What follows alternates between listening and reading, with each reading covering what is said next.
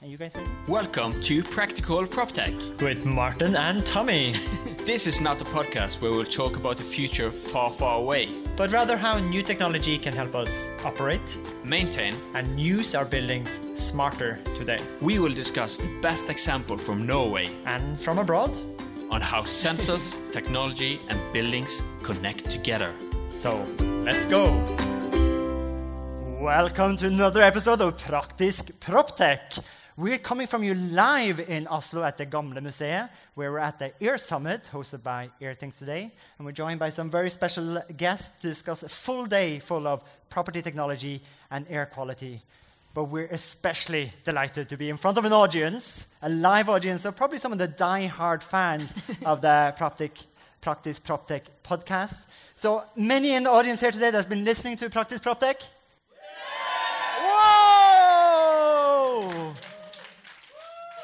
And even better than an enthusiastic audience like this, Tommy, we have some great guests with us today. Yes, for sure. And so we have from PropTech Norway, community builder, uh, and I know you, your favorite WhatsApp group, Yeah. thanks to Henrik here as well. We have Henrik Taubel, founder of PropTech Norway. He's a lawyer in Wiersholm, formerly from WeWork, Nordic, responsible for Nordic expansion, and just the most e-hugga property technology fan uh, I've ever met. Certain words you can't translate.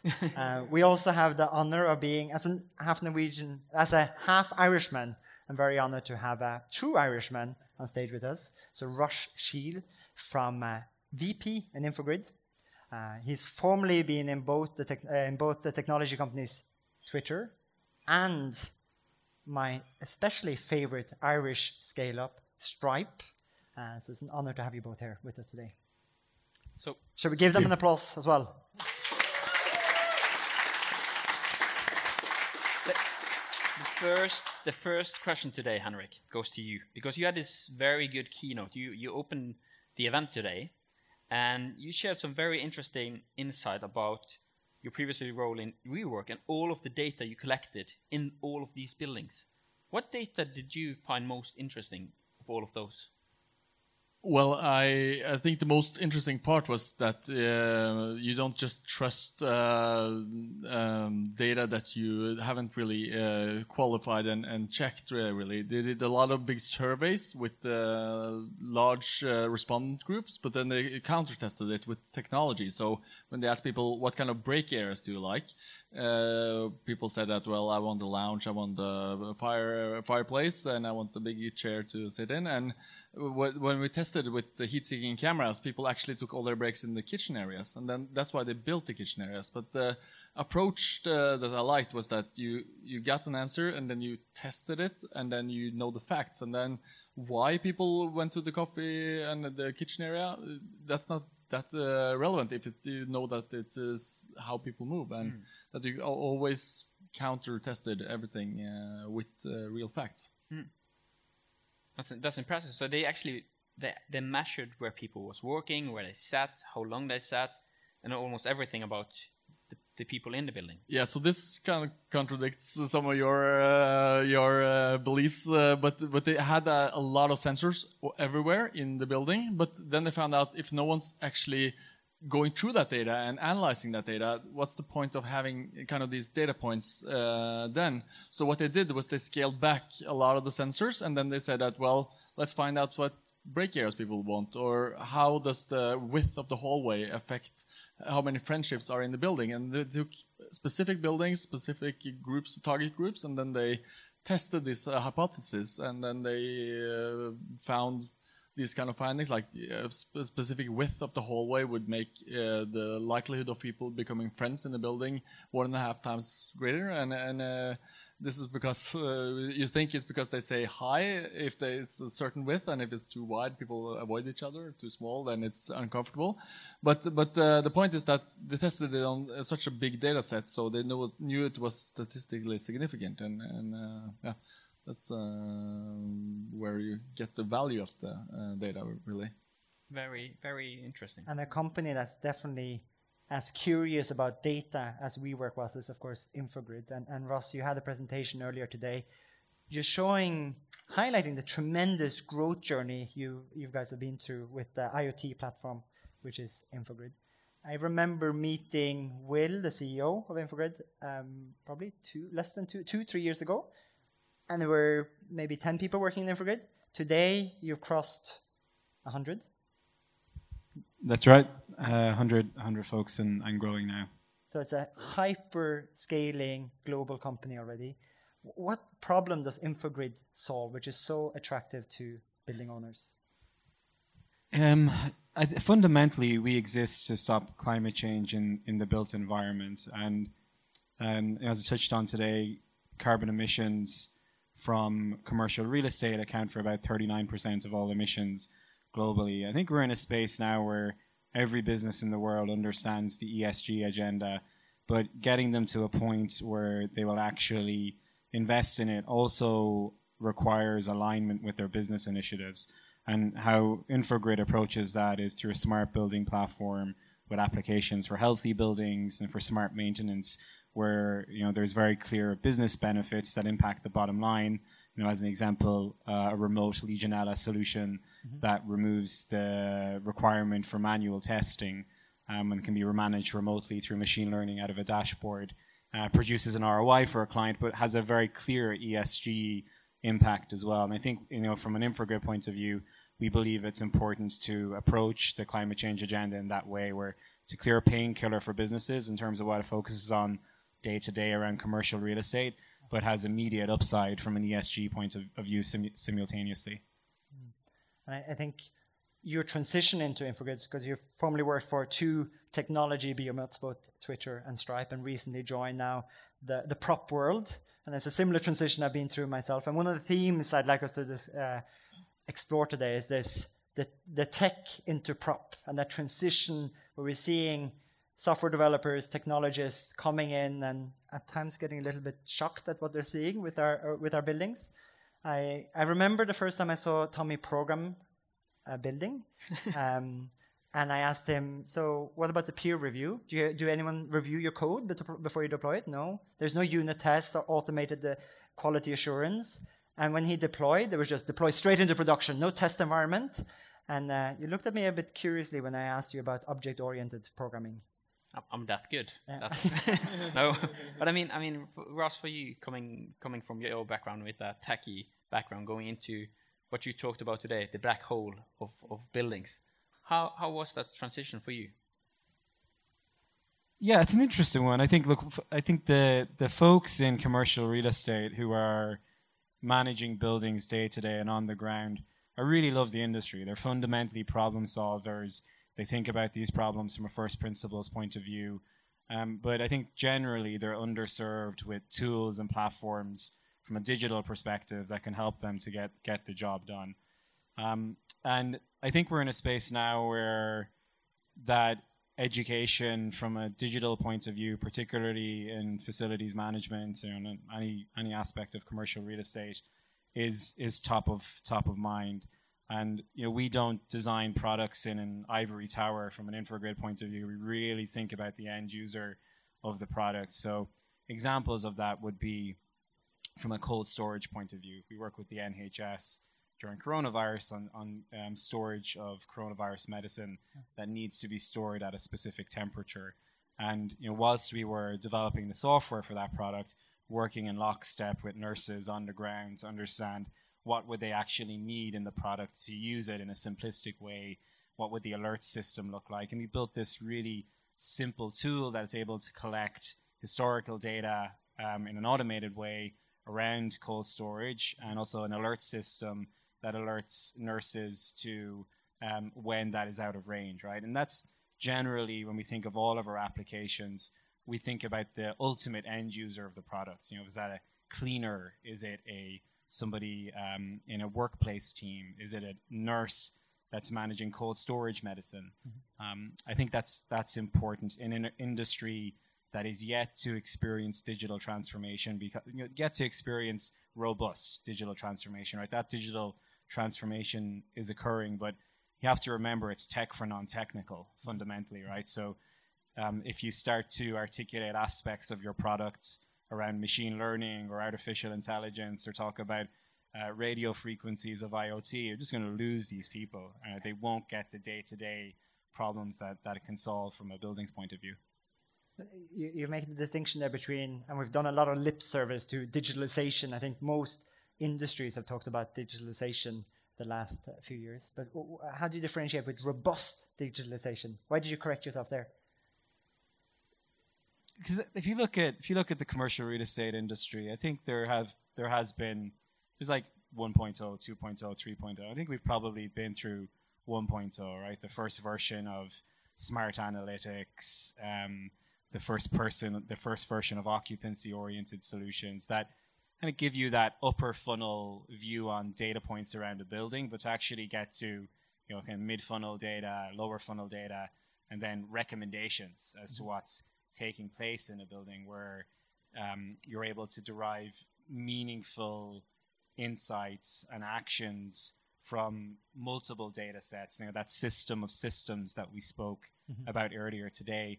I think that system of systems where the whole is greater than the sum of all parts is starting to become a reality.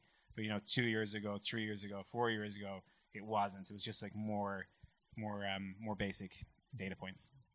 It's going the, the initial wave of digitalization was that you have these all these raw data points that's being collated, and you at least you you have that in a, a digital framework rather than a physical piece of paper. You yeah. mentioned Legionella because that was traditionally a very Legionella compliance um, is traditionally a very manual, paper-based process that's been digitalized. Indeed, right, and you know, everybody in this room has you know has a build it you know is involved in the commercial real estate industry and is probably experienced you know this kind of behavior in different aspects of the building, but across lots of use cases, whether it's you know just emergency lighting, electricity monitoring, or you know Legionella, you go into uh, a building and a lot of maintenance teams are still writing with pencil and paper in a workbook and recording data in that way, secu- storing it securely on site. Um, you know, moving from a world where folks are doing that to a world where it's managed remotely and centrally, and you know, to the point on um, helping these people with tools. You abstract away the need for that manual work, where they can just look at it in a dashboard and then focus on the most at-risk locations where Legionella is likely to be a factor. Uh, and one and one area where it's not very convenient to have a piece of paper uh, and run around to mark stuff is on, in, on an oil platform. And Henrik, you mentioned in your presentation earlier today this cross fertilization we're seeing now, particularly with the previous downturn in the oil industry, and these technologists that might have gotten a similar shock I got when I saw how our buildings are programmed uh, when they transition from an oil in, career into our building industry. Can you can you recount some of those experiences, maybe some good examples of how that's been a beneficial cross fertilization? Uh, yeah, definitely, and uh, I think this is a general trend. But uh, as uh, to have a more personal example, uh, one of my good friends worked as a pipeline engineer in the in the North Sea, working with oil platforms. And in the oil dip in 2016, he lost his job, and he looked for new new work, and, and he started in the real estate industry. And these guys were using 2015, 16 AR glasses, BIM models. They had everything rigged on on these pipelines uh, going into the North Sea. Of course it was uh, really, really high tech. And he started in this uh, construction company, and he got everything on paper. And like, here's a pencil, and he can draw like the, the changes on the on this uh, this map. And he was shocked. He was shocked that uh, the, the, everything he learned in five, six years in the oil and gas industry it was nothing was implemented in the real estate industry. And his frustration was it's already there. The technology is there. Like it, it's you call it oil and gas but it's really a tech industry.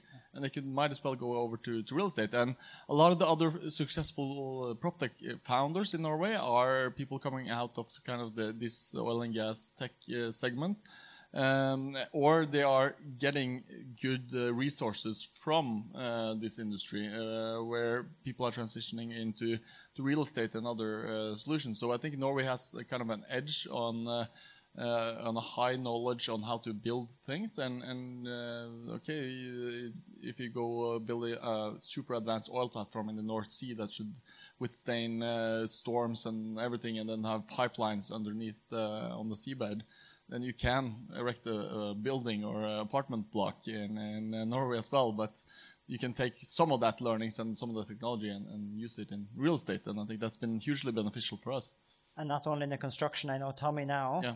You 3D models in the maintenance of uh, buildings. It wasn't just for fun that we 3D modeled today, was it? No, n- it's, it's never for fun, Martin. It's always for Deadly serious. for pleasure. But but I I also feel like like there is a there's a other transition as well. Just to defend my fellow props out there, I think many property people has also been quite shocked of all of the the IoT companies coming in and uh, want to control the air, want to deliver the best sensor for the air, and then they never seen a ventilation system.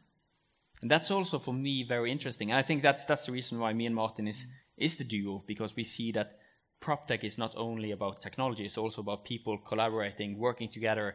Uh, the property um, expertise together with the tech expertise is, is maybe the best of the future, and maybe oil and gas as well, and more people into the industry. And I think that that's that's a, that's also very important for us to see how, how can property technology be inclusive, Martin. Of course it is. Do you have That's your favorite picture? I have uh, my favorite photo here with me. Um, and no, Tommy, it's not my mom. um, whenever we record an episode, we have this uh, picture in front of us, and this is uh, Arild.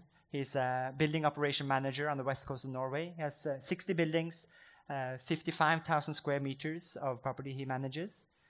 He's not the most technically savvy, and I think even though I get really excited hearing Ross talking about artificial IoT and machine learning, I'm not sure if necessarily would be the most exciting things for or he wouldn't necessarily feel included in that journey.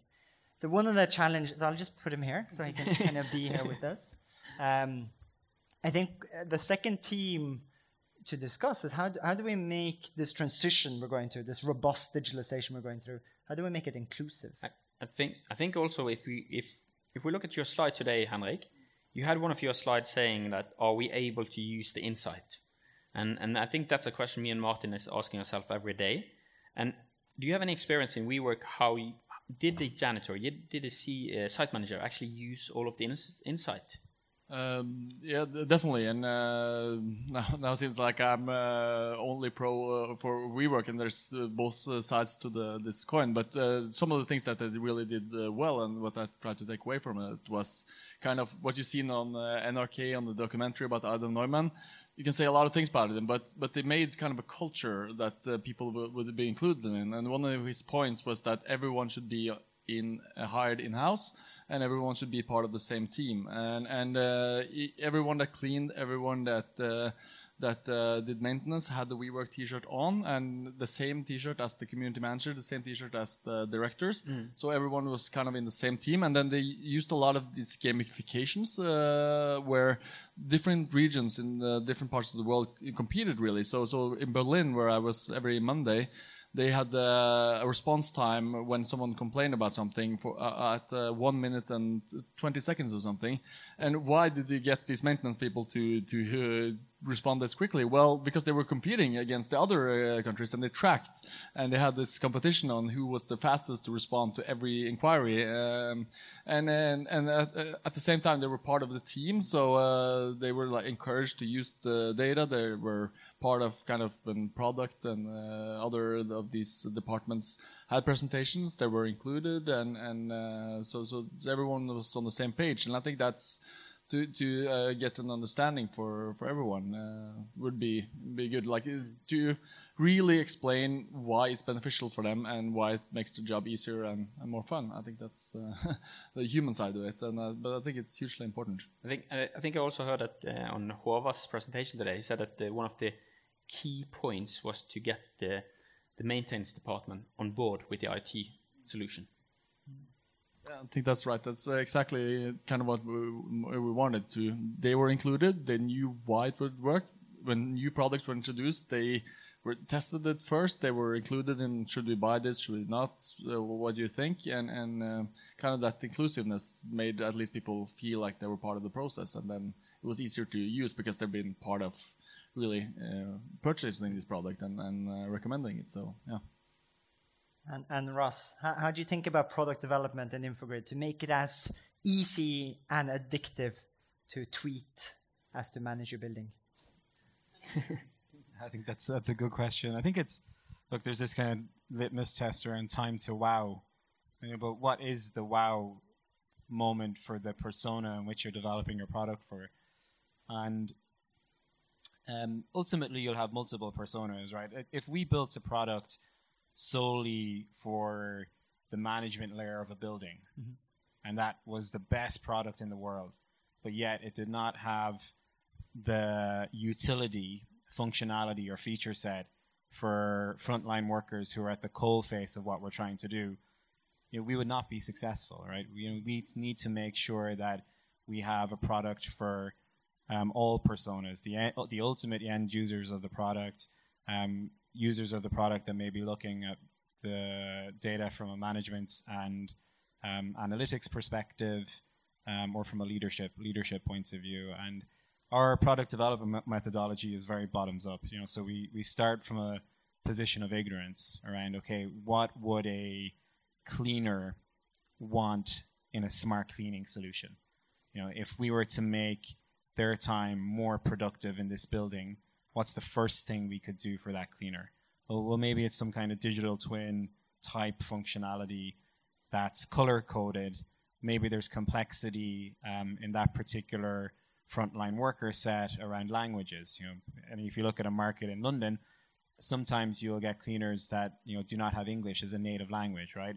If you go to somewhere like Singapore, um, you also might get native speakers that you know just speak speak Chinese as an example, and they don't speak English.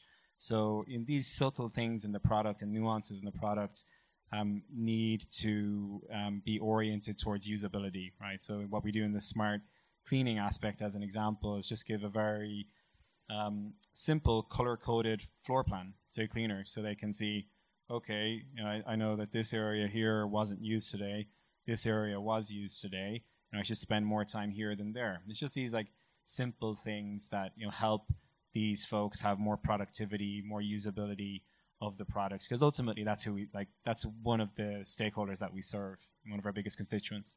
And I, think that approach to product development, the user-centric approach to, approach to product development, is probably also something that this transition from tech to prop. That's what we're really like. How do we design? Well, we could, if you look at most social media companies, they're addictive.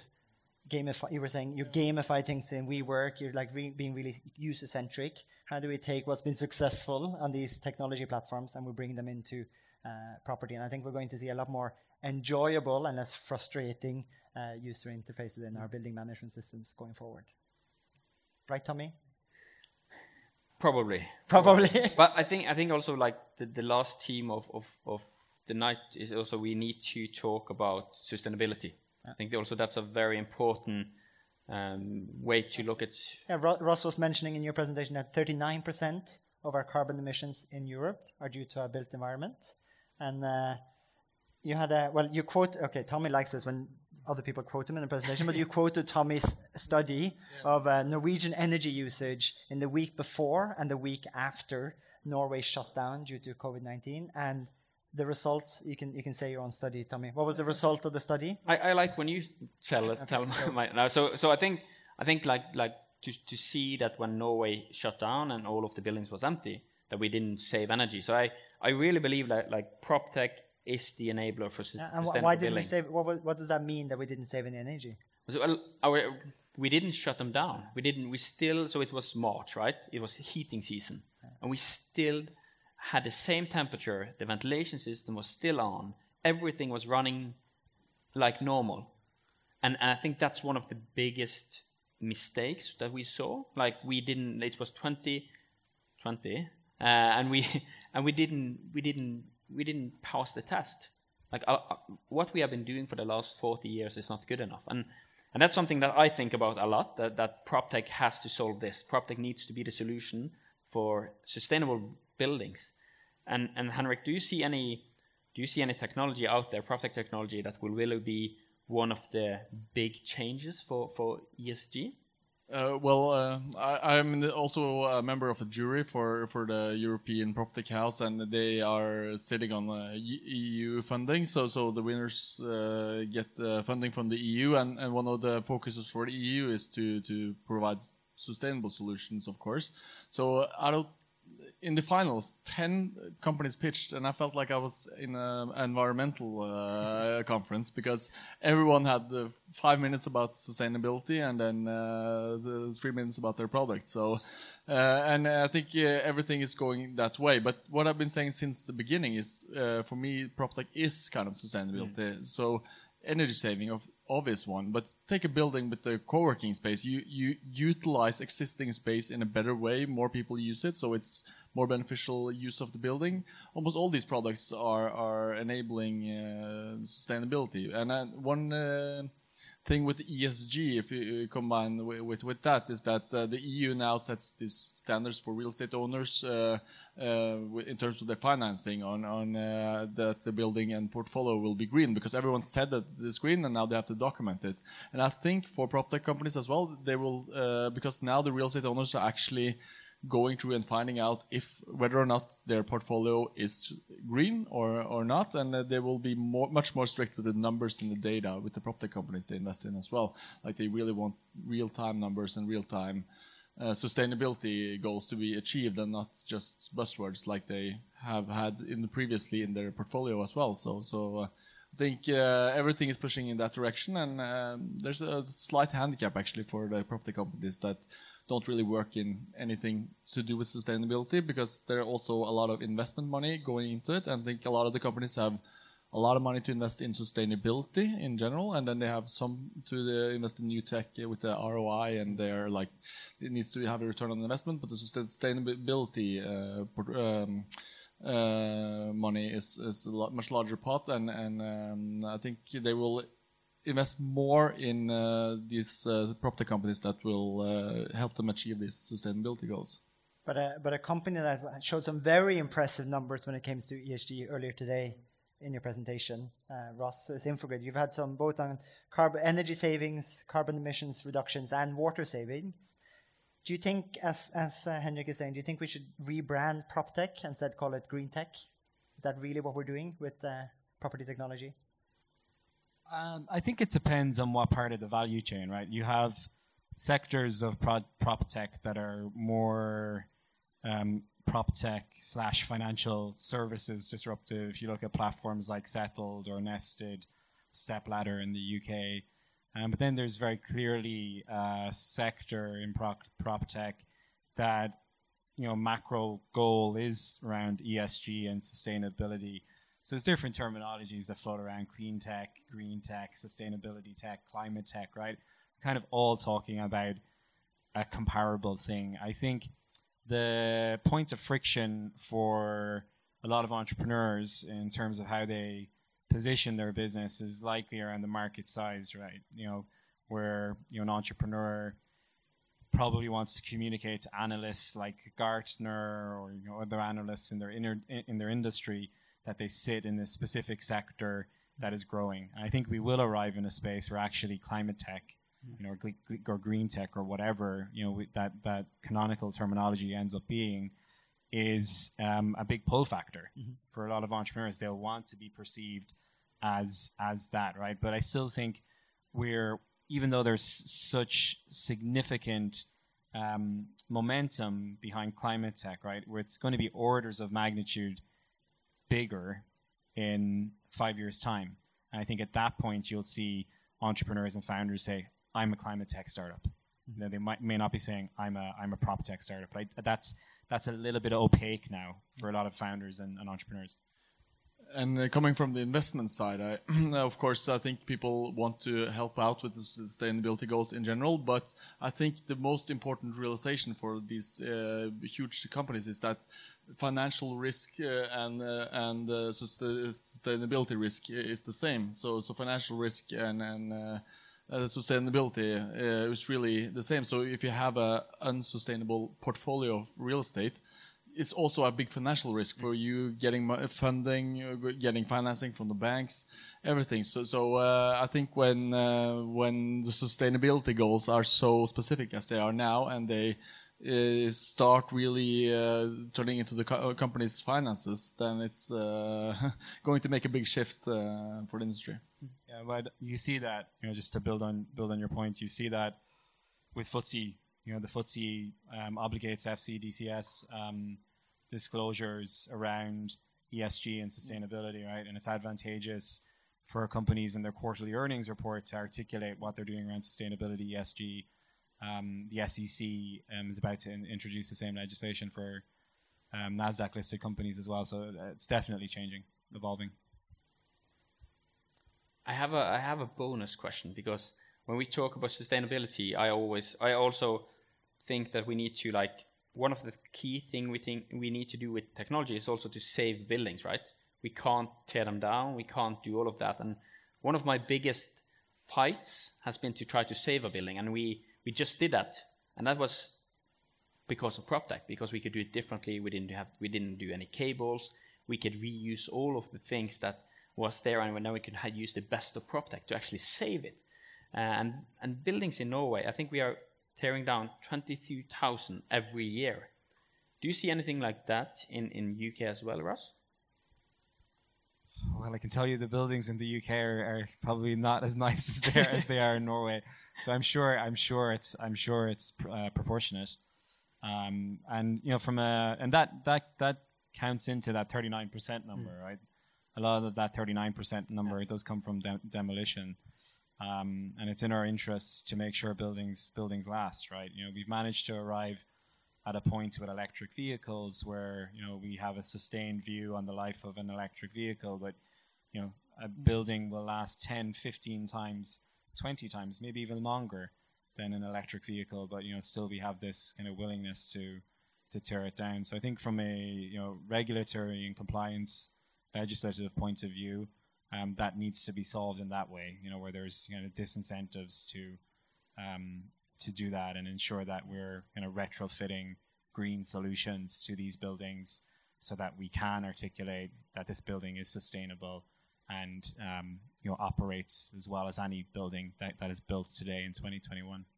You, you probably see the same in financial world, Henrik. Yes, definitely. And circular economy is really uh, something that people want to work with. But uh, in practi- practice, as you've probably seen, it's harder to do than you would think because uh, at WeWork as well, they were uh, were going to be uh, carbon neutral by 2023, and that meant you had to reuse so much of the materials in the buildings.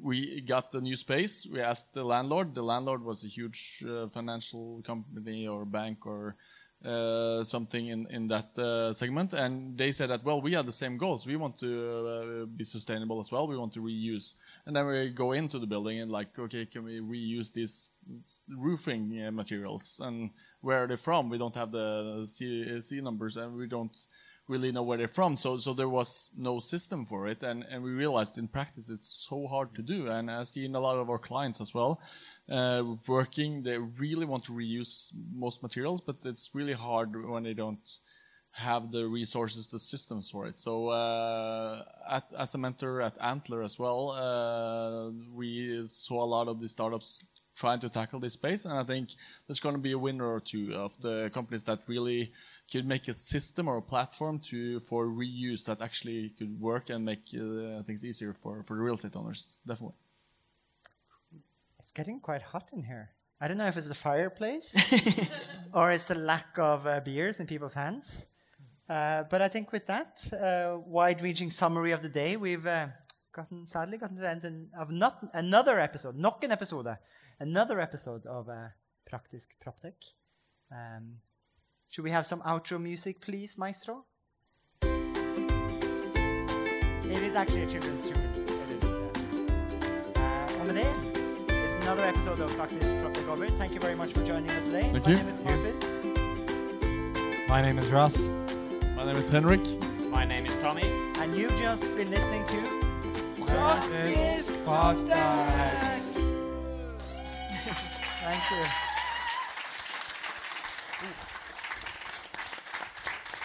Okay.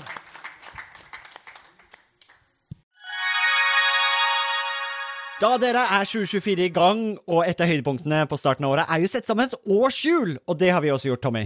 Ja, Akkurat nå sitter jeg og ringer rundt 25. og 26. april, for da skal vi på FTV-kongressen. Og det blir litt ekstra spesielt i år, Martin. Det var jo veldig spesielt i fjor òg, for jeg husker det vakre øyeblikket når eh, du og Magnus fra FTV-kongressen eh, preiket sammen og egentlig unnfanget og satt sammen en god idé. Og det var jo invitasjonen til eh, Proptech-dugnaden, som også blir et høydepunkt i år, ikke sant, Magnus, på FTV-kongressen 2024? Jo, det stemmer det. Vi setter godt med plass i år til, til dugnaden.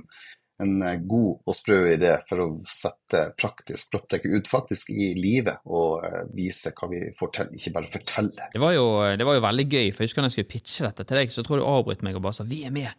Og når vi var på dugnaden, så sa du òg at Tommy, dette her må vi ta med oss tilbake på FTV-kongressen.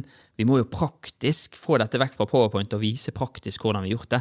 Og det syns jeg blir litt spesielt i år, at det blir jo for meg en liten reunion av det som skjedde der ute. Men, men eh, FTV-kongressen er vel mye mer enn en, bare en reunion òg.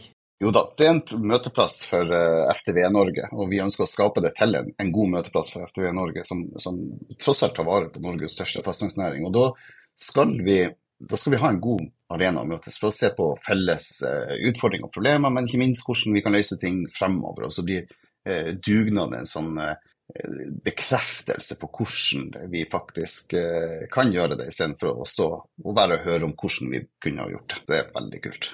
Og januar er jo en gavemild måned, så hvis du brenner for bedre drifting av bygg, så kan du få med deg en liten eh, rabattkode her også, så møtes vi kanskje 25.-26. april på Tung kongress Gardermoen, og den rabattkoden er ikke vanskeligere enn Praktisk Proptech med små bokstaver og uten mellomrom. Praktisk Proptech. Praktisk Proptex, små bokstaver, ingen mellom ett ord. ftvkongressen.no, der ser du programmet, det blir oppdatert i disse dagene, og så møtes vi i april. Vi ses! Vi ses!